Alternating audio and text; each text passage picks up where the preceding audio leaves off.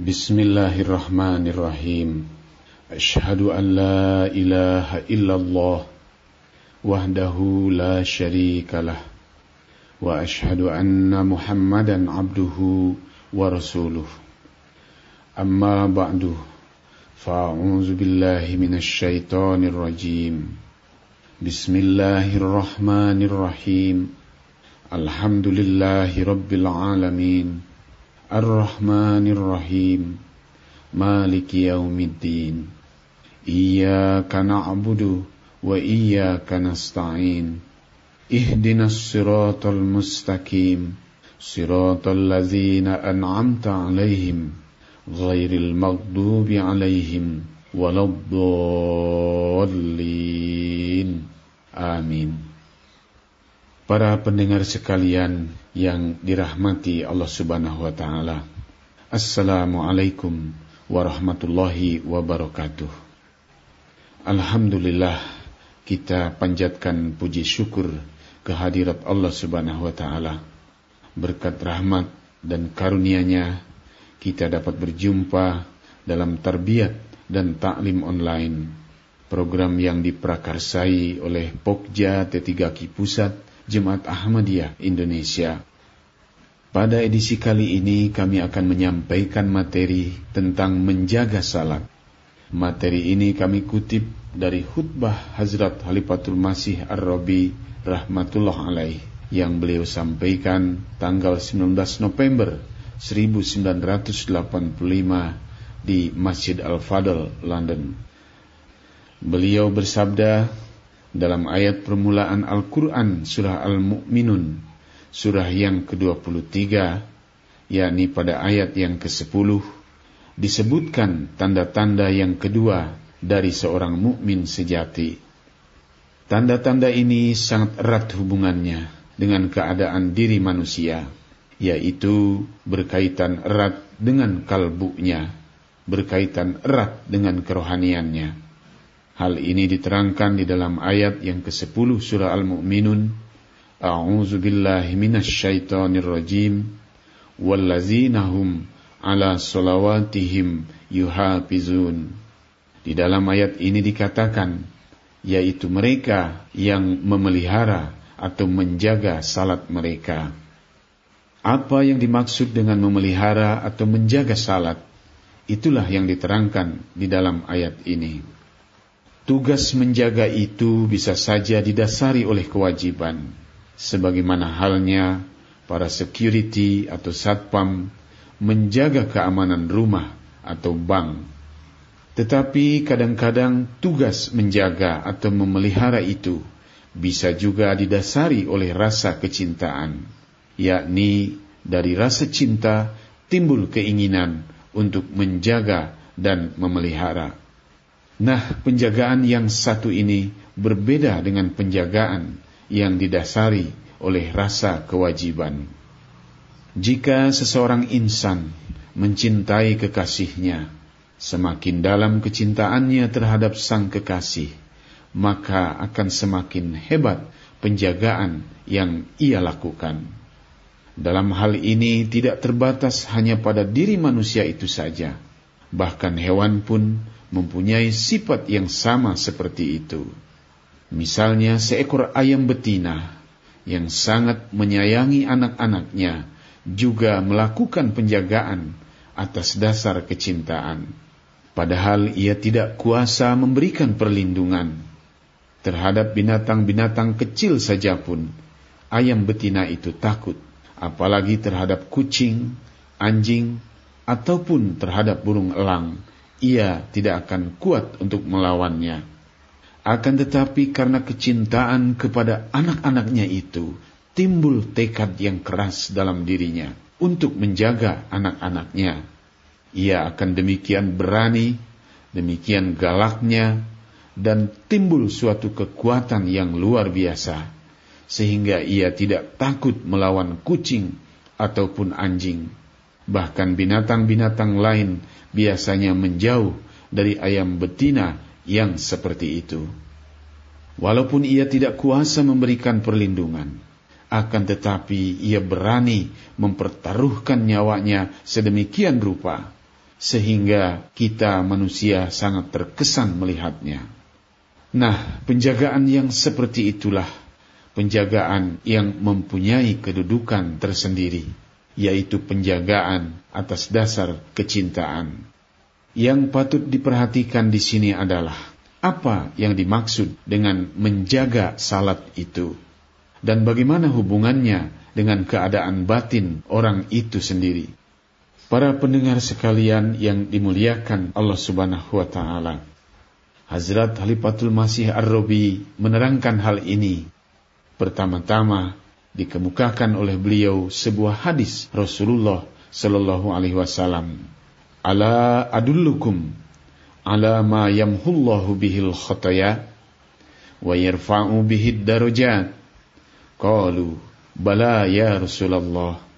Qala Rasulullah isbagul wudu'i 'alal makarih wa kasratul khuta' ilal masajid wa intizarus salati ba'da salat fazalikumur ribat. Hadis riwayat Muslim dalam kitab At-Taharah yakni Hazrat Abu Hurairah radhiallahu anhu meriwayatkan bahwa Rasulullah Shallallahu alaihi wasallam bersabda dalam nada bertanya, "Ala adullukum ala ma yamhullahu bihil khataya?"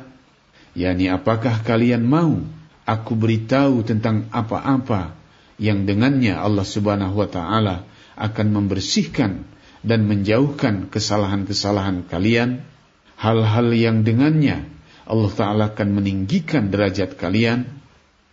Pendengar yang kami muliakan. Biasanya orang memang berwudu untuk salat. Akan tetapi dalam keadaan tertentu, terkadang terasa berat sekali untuk melakukan wudu. Kadang-kadang sulit diperoleh air.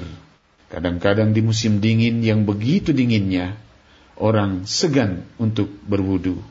Di sini di kota London memang sudah baik banyak terdapat kemudahan-kemudahan. Tetapi ada daerah-daerah yang sangat dingin sekali dan tidak memiliki sarana pemanasan air. Maka terasa berat sekali untuk berwudu di daerah yang seperti itu. Begitu juga halnya dengan kaum wanita yang biasa bermake up atau bersolek muka. Mereka merasakan perintah wudu ini sebagai sesuatu hal yang memberatkan sekali Terkadang sudah siap hendak pergi ke suatu pesta, kemudian tiba waktu salat. Berapa kali mereka harus membasuh muka, dan berapa kali pula mereka harus bermake up lagi. Selain itu ada pula beberapa penyakit yang karenanya berat sekali untuk berwudu. Nah, Rasulullah Shallallahu Alaihi Wasallam bersabda, "Isbagul wudu, isbagul wudu, sempurnakanlah wudu." Sempurnakanlah wudhu. Isbag artinya bukan hanya sekedar berwudhu, melainkan benar-benar berwudhu sepenuhnya dengan penuh kecintaan, dengan penuh hikmah. Walaupun banyak terdapat halangan secara zahiriyah, nah inilah yang dinamakan wudhu yang benar, wudhu yang hakiki. Wudhu yang seperti inilah yang dapat membasuh dosa. Selanjutnya Rasulullah Shallallahu Alaihi Wasallam bersabda, "Wa kasratul khuto ilal masajid," yakni sering-sering melangkahkan kaki ke masjid. Di sini anehnya, setelah diperintahkan menyempurnakan wudhu, beliau tidak memerintahkan kemudian salatlah. Ternyata ada masalah lain yang dimaksudkan di dalam sabda beliau ini, yaitu masalah kecintaan tadi sehingga tidak disinggung soal salat, melainkan yang dimaksud di sini adalah bagaimana kecintaan seseorang terhadap salat, sehingga tampak dari banyaknya jejak kaki orang itu ke arah masjid, dan seolah-olah seluruh harinya ia habiskan untuk mondar-mandir ke masjid saja. Para pendengar yang dirahmati Allah Ta'ala, sebagian orang mengartikan sabda Rasulullah SAW ini wa kasratul huto ilal masajid adalah datang ke masjid-masjid yang jauh sehingga langkah kaki akan lebih banyak. Mereka itu tidak memahami maksud dari hadis ini. Sebab jika kita artikan seperti itu, berarti hadis ini hanya diperuntukkan bagi orang-orang yang rumahnya jauh dari masjid. Padahal letak jauh dekatnya rumah seseorang dengan masjid adalah sesuatu yang kebetulan saja. Oleh karena itu bagaimana mungkin setiap orang dapat mengamalkan perintah Rasulullah SAW ini? Arti dari kata wa kasratul khuto ialah seseorang itu hendaknya sedemikian seringnya datang ke masjid sehingga tampak banyak sekali jejak kakinya di sepanjang jarak antara masjid dengan rumah tempat tinggalnya. Tidak peduli apakah rumahnya itu jauh atau dekat. Jadi yang dimaksud di dalam hadis ini adalah masalah seringnya melangkah ke masjid. Kemudian Rasulullah Shallallahu Alaihi Wasallam bersabda, "Wantizorus solati ba'das solat." yakni setelah selesai melaksanakan salat, lalu menanti salat yang berikutnya. Yaitu kalian harus sering datang ke masjid dan jangan bosan, sebab kalian melakukannya atas dasar rasa kecintaan. Jika kalian melakukan hal itu atas dasar kewajiban, maka semakin sering kalian mondar-mandir ke masjid, maka semakin bosan yang akan kalian rasakan. Kalian akan merasakannya sebagai suatu beban yang semakin berat. Tetapi jika hal itu kalian lakukan atas dasar kecintaan, maka semakin sering kalian lakukan, akan semakin tebal rasa kecintaan yang akan timbul. Kemudian yang mulia Rasulullah SAW bersabda, Fazalikumur ribat, fazalikumur ribat. Apakah yang dimaksud dengan kata ar-ribat? Hazrat Halifatul Masih Ar-Robi dalam khutbah beliau ini menjelaskan mengenai arti kata ar-ribat. Beliau bersabda, Al-Quran menerangkan, A'udzu billahi minasyaitonir rajim. Ya ayyuhallazina amanu isbiru wasobiru warobitu. Terjemahan dari ayat ini, apa pun terjemahan yang saudara-saudara temukan, arti kata arribat adalah menetapkan pasukan penjaga perbatasan untuk menjaga atau memelihara perbatasan suatu negara. Kata arribat terdiri dari tiga huruf, yaitu huruf ro, ba, dan to, yang berasal dari kata robato, yang artinya mengikat hubungan yang kuat. Istilah arribat ini digunakan juga oleh Al-Quran yang artinya mengikat hubungan dengan perbatasan sedemikian rupa eratnya sehingga para penjaga selalu siap di sana. Maka pos-pos dan sistem penjagaan yang ketat di perbatasan itu dinamakan ar-ribat. Nah, pendengar sekalian yang mulia, Huzur selanjutnya menjelaskan, manusia biasa tidak bisa membayangkan apa hubungannya kata ar-ribat ini dengan masalah salat. Hanya pengertian Rasulullah Shallallahu Alaihi Wasallam saja yang bisa menyentuh poin ini. Beliau Shallallahu Alaihi Wasallam telah memberikan penerangan dan menyingkapkan lebar-lebar makna dari kata arribat ini. Beliau Shallallahu Alaihi Wasallam menjelaskan arribat atau penjagaan atau pemeliharaan yang sebenarnya terhadap salat adalah kecintaan.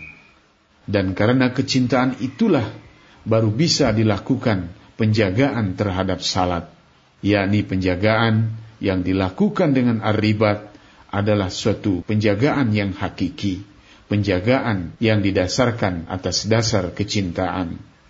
Seperti di dalam ayat yang kedua yang saya bacakan tadi kata beliau, Kata hafizu atau yuhafizun, kedua-duanya memang digunakan di dalam Al-Quran. Di satu tempat Al-Quran menggunakan kata hafizu, yakni jagalah salat kalian.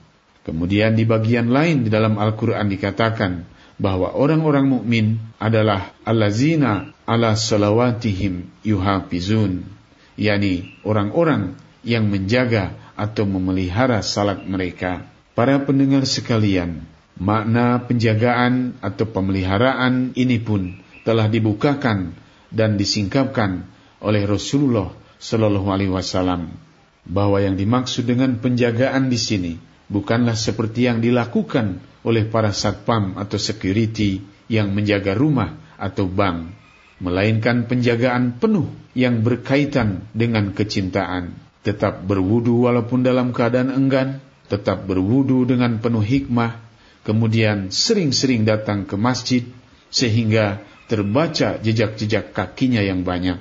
Setelah itu, selalu siap menantikan salat-salat yang berikutnya, yakni selalu sadar menanti kapan datangnya panggilan kepada Tuhan, yaitu panggilan azan untuk sholat, kemudian berangkat pergi ke masjid. Ini semua adalah hal-hal yang berkenaan dengan orang-orang yang telah dimabuk cinta. Derajat yang tertinggi dalam kecintaan sering disebut sebagai kegilaan. Nah, hal inilah yang dimaksud di dalam kata arribat itu. Itulah sebabnya Rasulullah Shallallahu Alaihi Wasallam dalam hadis tadi beliau mengatakan inilah sebenarnya yang dinamakan arribat. Wahai orang-orang yang dapat memahami, pahamilah bahwa penjagaan yang hakiki yang dianjurkan oleh Al-Quran adalah penjagaan terhadap perintah-perintah ilahi dan perintah ilahi yang paling mulia yang telah dianugerahkan kepada kalian adalah perintah salat. Oleh karena itu, jagalah dan peliharalah salat dan jagalah dengan penuh rasa cinta. Jangan kalian menjaganya dengan dasar kewajiban, melainkan jagalah salat itu atas dasar kecintaan. Para pendengar sekalian yang dimuliakan Allah Ta'ala, demikianlah penjelasan tentang menjaga salat yang dijelaskan oleh Hazrat Halifatul Masih Ar-Robi rahmatullah alaih dalam khutbah beliau tanggal 19 November tahun 1985. Sekian untuk perjumpaan kita pada episode kali ini. Insya Allah kita akan berjumpa lagi pada episode selanjutnya. Terima kasih telah mengikuti dan mendengarkan program ini. Wa akhiru da'wana anilhamdulillahi alamin.